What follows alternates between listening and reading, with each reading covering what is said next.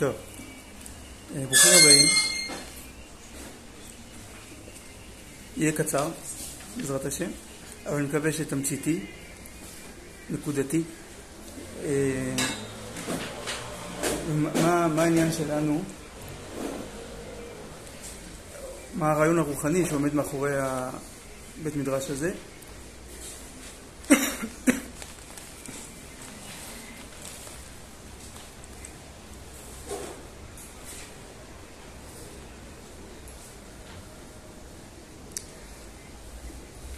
אגיד בכללי, יש... אה, עיקר האדם הוא הרצון. זאת הייחודיות של האדם, זה צלם אלוקים, הבחירה החופשית. יש אנשים, שומרי תורה ומצוות, שהרצונות שלהם חילוניים, או כלל אנושיים, אפילו לא יהודיים. כלומר, הם רוצים להתחתן, להתפרנס, כל הרצונות בעולם, כמו שכל אדם בעולם רוצה. אבל כיוון שהם יהודים שומרי מצוות, הם רוצים לממש את הרצונות החילונים שלהם במסגרת ההלכה. כלומר, מה התפקיד של ההלכה בחיים שלהם? מסגרת. כאילו, הגבולות גזרה. כנגד זה, שכתוב, ואהבת את השם אלוקיך בכל לבבך, בכל נפשך, בכל מאודיך, או רחמנא לי בבית, אז זה אומר ש... שהקשר עם הקדוש ברוך הוא, הוא, הוא ליבת החיים. הוא לא תחום בחיים, אלא הוא טעם החיים, הכל נובע ממנו. ודווקא בגלל שהכל נובע ממנו, הכל חשוב, הכל משמעותי. טוב, אפשר לומר שחשוב שתהיה מסגרת לגברים דתיים שילמדו אומנות, כי במסגרות אחרות אז זה, זה, זה מחייב להיחשף לדברים לא צנועים, או לתרגילים, כל מיני, או עצם החברה המעורבת. אז כדאי שיהיה מקום כזה שיהיה אפשר ליצור בו במסגרת ההלכה. טוב, אז זה לא הרעיון של טוב ויפה, אלא הצד השני, של ליבה, של היצירה כביטוי של בקשת קרבת אלוקים, של עבודה רוחנית.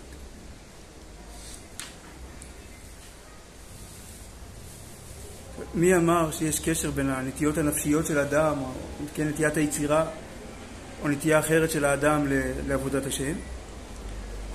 אז אה, מי אמר? הקדוש ברוך הוא. אומר החפץ חיים, ומה שכתוב, ובכל נפשך, ולא כתיב סתם ובכל נפש. כלומר, לא כתוב, ואהבת את השם אלוקיך בכל לב, נפש ומאוד, אלא בכל לבבך, ובכל נפשך, ובכל מאודיך. אומר החפץ חיים, להורות לנו שכל אחד צריך לעבוד הקדוש ברוך הוא לפי כוחות הרוחניים שהטביע הקדוש ברוך הוא בנפשו, בנפשו שלו, ולא יסתפק במה שהוא עובד השם כמו חבריו. כלומר, אין שטנץ, אין פה משהו חברתי שכל אחד צריך להיות כמו. כי כל אחד יהיה נידון לפי שכלו וכוחות נפשו. כלומר, כל מה שהקדוש ברוך הוא ברא, זה, הוא כדי שנפגוש אותו בתוך אותה בריאה. אז אם יש מישהו שיש לו כישרון מסוים, אז הקדוש ברוך הוא רוצה לפגוש אותו בכישרון הזה. אז לכן כל אחד, בשאלה נסעת ונתת באמונה, ציפית לישועה, פלפלת בחוכמה. אז נסעת ונתת באמונה בכישרון שלך, ציפית לישועה בכישרון שלך, פלפלת בחוכמה בכישרון שלך. אז יש פה כבר מחויבות. יש לאדם כישרון, נטייה, אז שם הוא צריך לפגוש את הקדוש ברוך הוא. למה הוא קיבל את הכישרון הזה?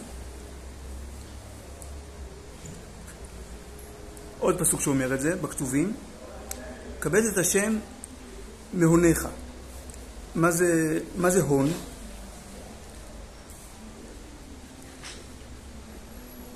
אדם יכול לחיות עד 120 בלי הון, מה שנקרא מן היד לפה.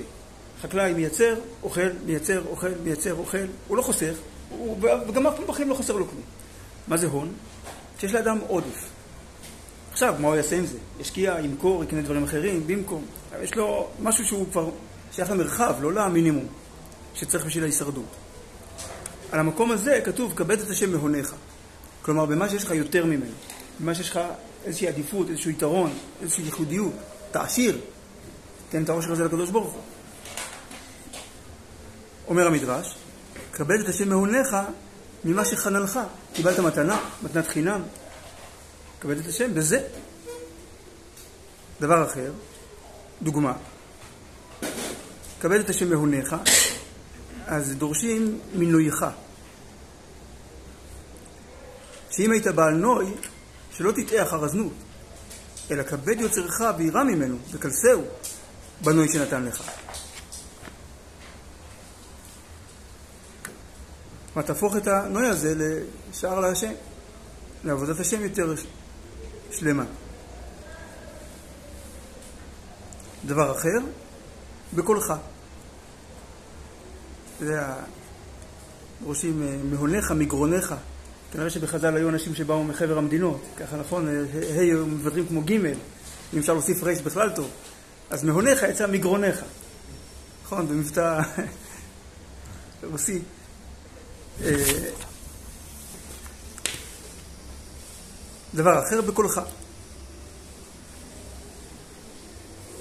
שאם היה קולך נאה, והיית יושב בבית הכנסת, עמוד וכבד השם בקולך. מישהו שהוא קול יפה, אומר לו בוא בוא תהיה שליח ציבור, טוב, אני אהיה יפה למישהו.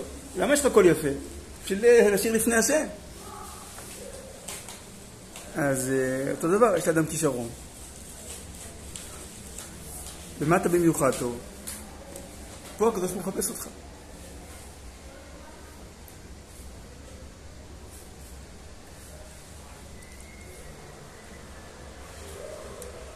קצת יותר בהרחבה, למה זה חובה, ואם לא, אומר הרב, זה נראה בטבע המציאות, שכל כוח שנמצא בכל דבר וטבעו לפעול, כלומר כוח שהוא דינמי, לא סתם אה, מרכיב ממרכיבי הנפש, אלא כוח שהוא פועל, יוצר, תוסס, דורש להתבטא, הוא פועל בהכרח.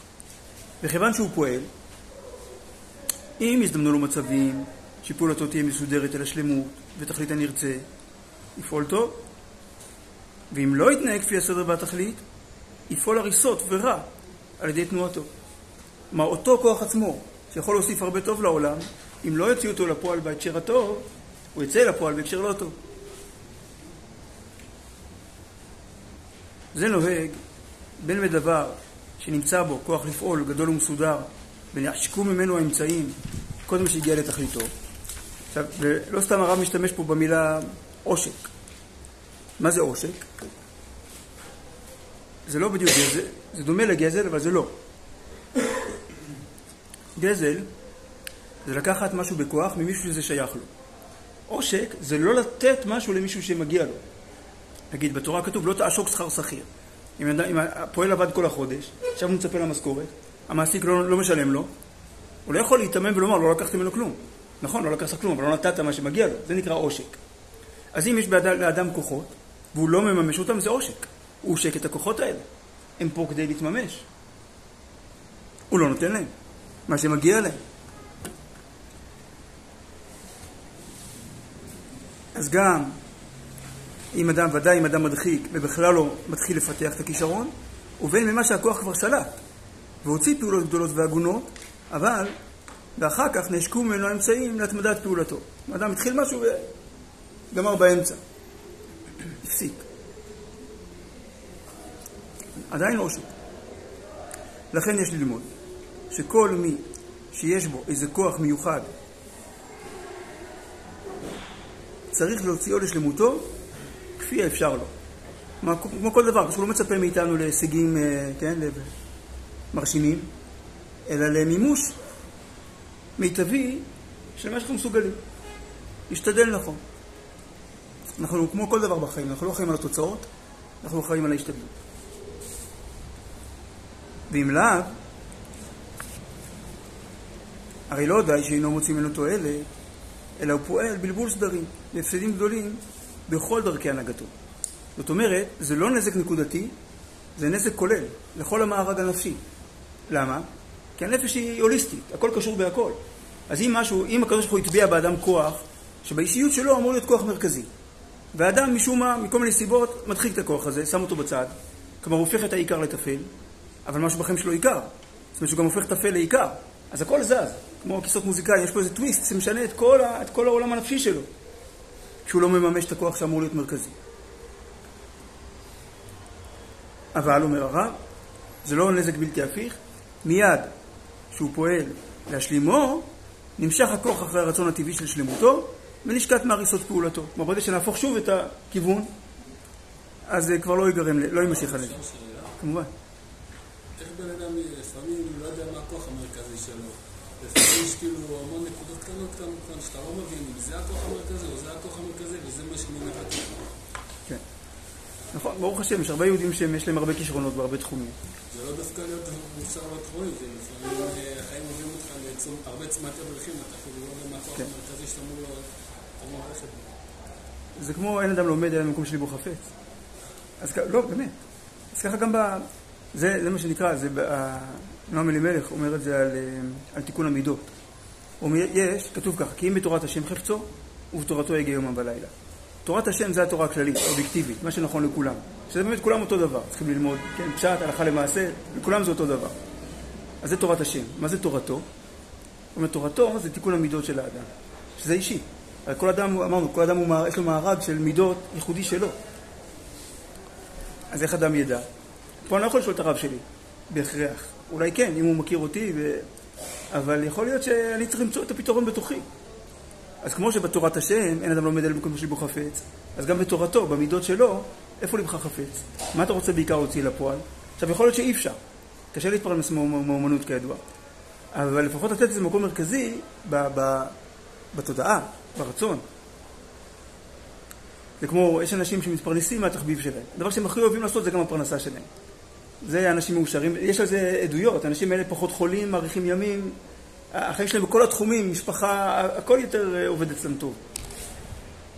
ויש אנשים שנאלצים להתפרנס ממשהו שהוא לא הייעוד שלהם, מן הסתם אף אחד הייעוד שלו זה לא להיות מוקדן בסלקום, אבל מזה הוא מתפרנס. אבל, אבל בשעות הפנאי חשוב שיקדיש זמן אמיתי, זמן איכות, למה שהוא אוהב לעשות. מה שהרב אומר, כמה שאפשר. ואם יש לי שני כישרונות, אפשר לשחק עם זה.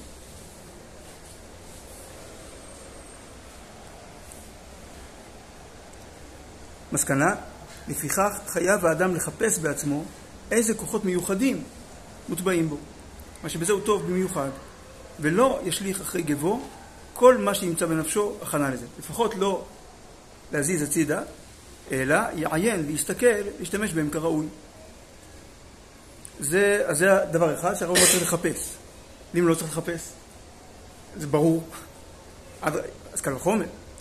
אומר הרב, ומכל שכן, שלא יעלים עין מכוחות שכבר בלא עיון מוצא אותם, לבטלם ולהרסם, מבלי לתת להם מקום לעבודה הגונה וסדורה. כי הכוחות מעשה השם המה, והם חזקים מאוד, ולא ייתנו להשיג גבולם. הנה זה כמו העושק. כאדם אה, יש את הגבולות, את הסימונים של אה, גבולות גזרה, ואתה מזיז אותם לתוך השדה של השכן. הוא לא יכול להגיד, לא גנבתי, לא לקחתי לו כלום, הארץ פה, היא שלו. אתה הזזת את, את, את הסימונים.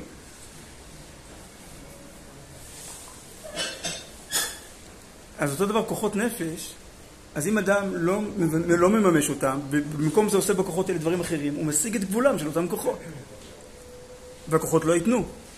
ולא טוב יהיה כשיבואו לפעול בלא מנהיג. כספינה ולא כפרניתה. כי הספינה הזאת היא כבר, היא כבר הרימה עוגן. עכשיו אתה שואל אם אתה מנתב אותה, או שהיא מנתבת אותך. אז עדיף שאדם יהיה המוביל. עדיף, חובה.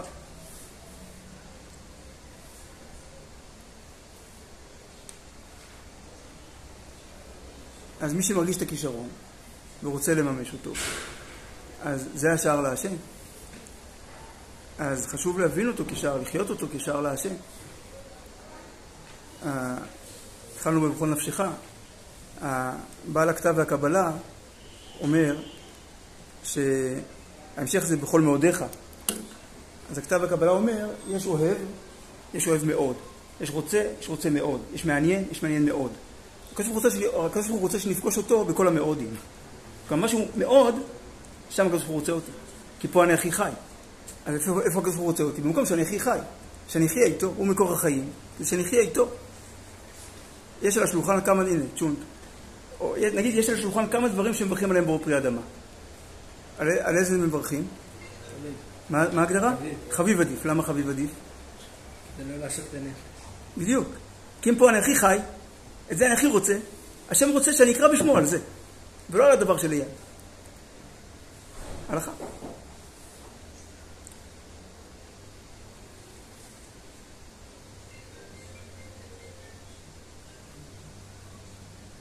עכשיו, חוץ מזה, יש עוד הרבה דברים שהם אה, חשובים, שהם מעבר לזה, אי אפשר הכל בבת אחת, אבל הפיתוח הזה של האומנות זה חלק בגאולה, זה קומה בגאולה. יש לאדם גוף, יש לאדם נשמה אלוקית, באמצע יש את כל העולם הרגשי, הנפשי. הגוף של הגאולה זה הקמת מדינה וכולי. הנשמה של הגאולה זה כנסת ישראל שנגאלת, ייחוד קודשי ברוך הוא שכינתה. אבל זה לא, לא יעבוד, לא יהיה פה שיעור קומה שלם בלי כל האמצע. בלי תרבות לאומית, תודעה לאומית, רגשות לאומיים, שפה, שיח תרבותי. זה חלק מהעניין. וזה בגלות לא היה לנו, כי לא הייתה אומה. אז מה שנשאר לנו זה רק אמונה וקיום מצוות. אבל תרבות יהודית לא באמת הייתה. כי לא, לא, היה, לא, היה המרח, לא היה קיים המרחב שבו תרבות לאומית נוצרת. כי לא היינו לאום. היינו קהילות, עדות, חוגים, וגם לא היינו כל כך במצב של יצירה. כי כשאדם עסוק בהישרדות, אין לו פניות ליצור. עכשיו כשחוזרים לארץ, חוזרים לטבע, חוזרים כוחות החיים המתעוררים, מתעורר רצון ל... ליצור אומנות יהודית. אז מה זה אומנות יהודית? זה לאו דווקא סגנון, אין, אין סגנון יהודי באומנות. זה תודעה. זה לא איך יוצרים, אלא מתוך מה יוצרים ולשם היוצרים. מאין באת ולאן אתה הולך. משם כבר מוצאים את ה... מה שאדם יעשה במקום הזה זה אומנות יהודית. גם אם זה נוף, טבע, שהיה אפשר תאורטית ליצור אותו דבר במקום אחר, אבל אותו האהבה של היוצר לארץ ישראל, או לירושלים, או למגרון, היא משתקפת ביצירה שלו. וממילא, כמו שכל יצירה משפיעה על המתבונן, אז גם יצירה שהיא באה ממקום רוחני, היא מוסיפה רוחניות בעולם, מוסיפה קודש. אז אמנות יהודית זה לא לאייר את סיפורי התנ"ך, זה גם גויים עשו. אלא לאייר את הנשמה, את הרצון לקרבת אלוקים.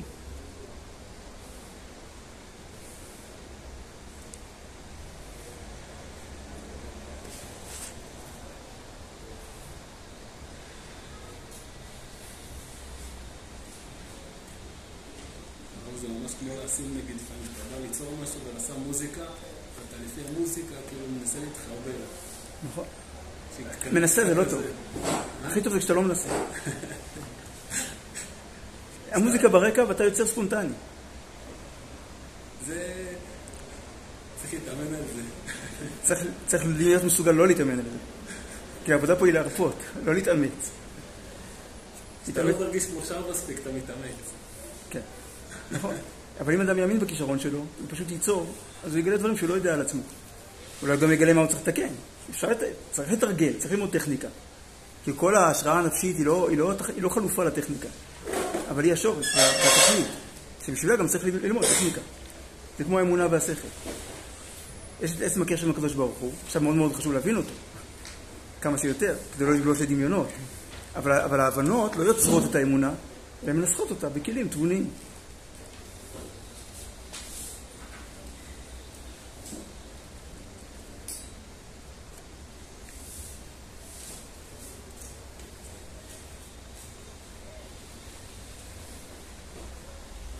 טוב, עכשיו עוד קצת אה, טעימה, עוד יש?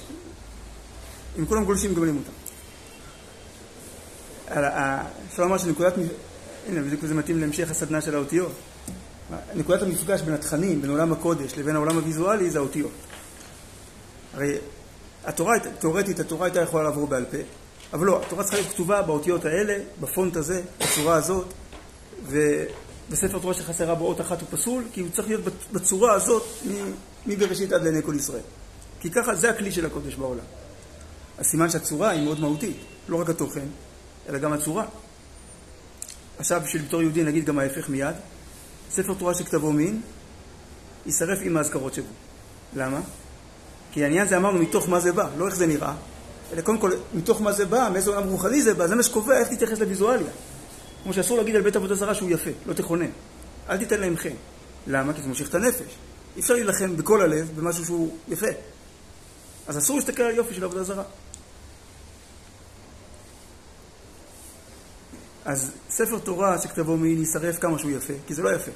זה מכוער כשמין כותב ספר תורה, זה, כי היופי זה הרמוניה. אז כשמי שלא מאמין כותב ספר תורה, אז זה דיסהרמוניה. אז, אז זה כיעור, שזה ביטוי בגמרא לכל מיני דברים לא, לא מוסריים, מעשים מכוערים, ככה זה נקרא, כיעור, מעשי כיעור. כי זה דיסהרמוניה בחיים של האדם.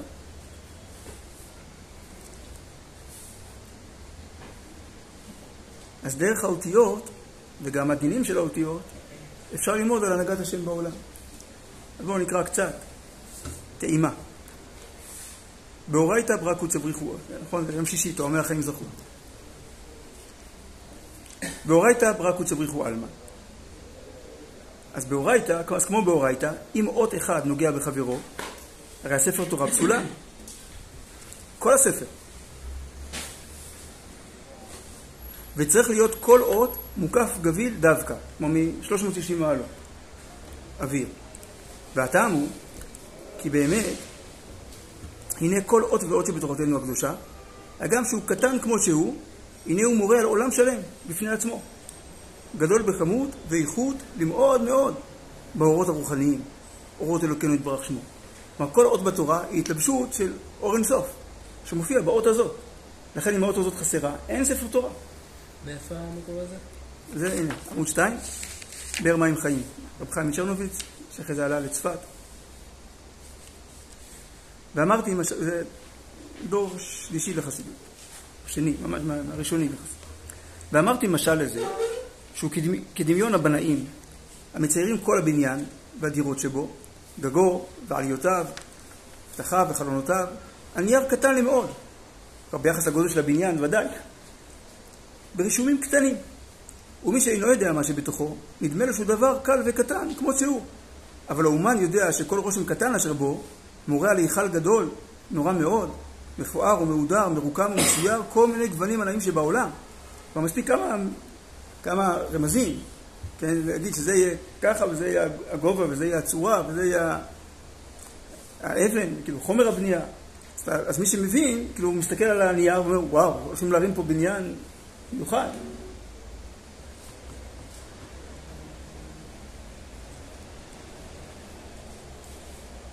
וכל אחד, כפי רישומו, כן מורה על איזה היכל.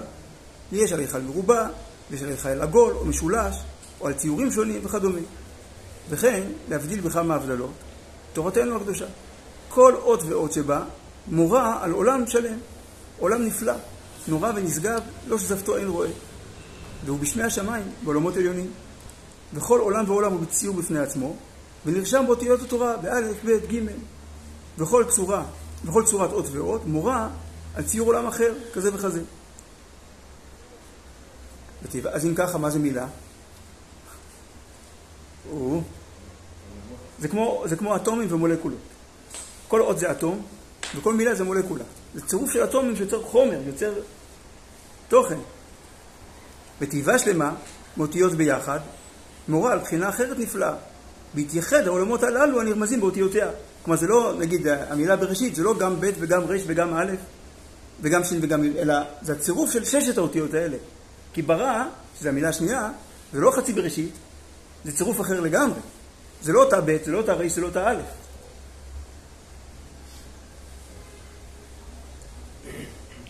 ונעשה מהם ציור זה נפלא, הפלא ופלא.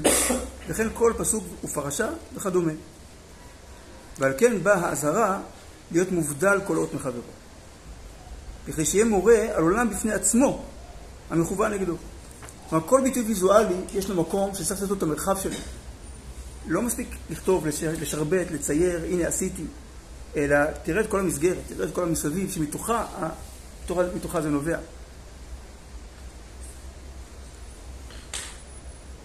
אז אם כך, וגם אם יהיה דבוק בחברו, בחברו יתקלקל הציור מציורו שחצב לו המקום נגד עולמו שלמעלה, כי דבוק עם אות אחר, אין כזאת אות, כן, שילוב של, אה, או סתם שתי אותיות שנגעו זו בזו. אז זה ציור שלא קיים. הוא כבר בציור אחר, עם אות השני ביחד. מהווה.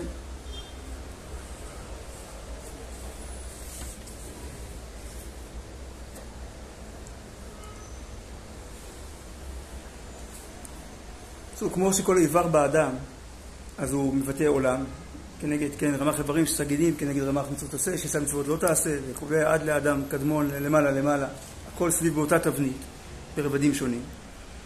אז גם כל קו שאדם מצייר, בכל צורה, בכל היבט, בכל גוון, יש לו סוד, יש לו עומק, יש לו שורש. אז זה לא שכל אדם חייב קודם להבין את כל הגוונים וכל השורשים לפני שהוא מעז לצייר, אחרת הוא שלא יפחד פה לפגוע בעולמות עליונים, אלא מה שהתורה מתירה, והוא נכון, והוא מעורר טוב, והוא מבטא דברים טובים, אז uh, הוא בונה עולם. כל עוד צריכה את האוויר שלה. כדי להיות עולם בפני זה להיות היא, כן. כן. מצד שני, אנחנו מדברים כאילו בשלילה על הדיבור, שזה פוסל, כן. אבל כל אות היא בעצם נדבקת בתוכה, שהיא מורכבת מכמה יותר ביחד. חלק יש מהאותיות. פה... חלק מהאותיות. דבר והיפוכו כזה מעניין. כן, נכון. אחרי זה זה, כי האלף עצמה, גם אם היא תהיה אפס ספייס לבד, כן, אבל זה י' ו' י'. זה י' ו' כן, אבל זה א'. כן. א' זה י' ו' י'. נכון. זה גילו את הקווארקים, זה החלקיקים התת-אטומיים. כל אותי אטום, אבל יש, יש גם, גם בזה מורכבויות לפעמים.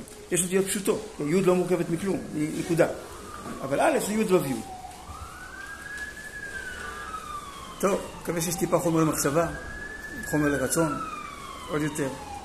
אז, אה, אז באמת זה רק, אה, רק נגיעה, רק אה, טעימה. אנחנו בערב טעימות. מקווה שעם טעם של עוד. כתוב, אה, יש אחד, ה, אחד הביאורים, כתוב, אה, הנפרד מחברו, אל ייפרד אלא מתוך דבר הלכה. אז אחד הביאורים זה, לא הפשט, אבל זה ביאור אה, שאומר ככה, מה זה מתוך דבר הלכה? להתחיל דבר הלכה ולא לגמור אותו. נגיד, לשאול את השאלה ולא לענות. למה שמתוך כך זוכרהו? ומה באמת יכולה לתת תשובה, ומה אני חושב, ומה הוא חושב, ככה הולכים עם זה הלאה. אז, אז אני עוזב פה באמצע ונמשיך הלאה, כאילו, נפגש, נדבר, נשמע. בהצלחה רבה.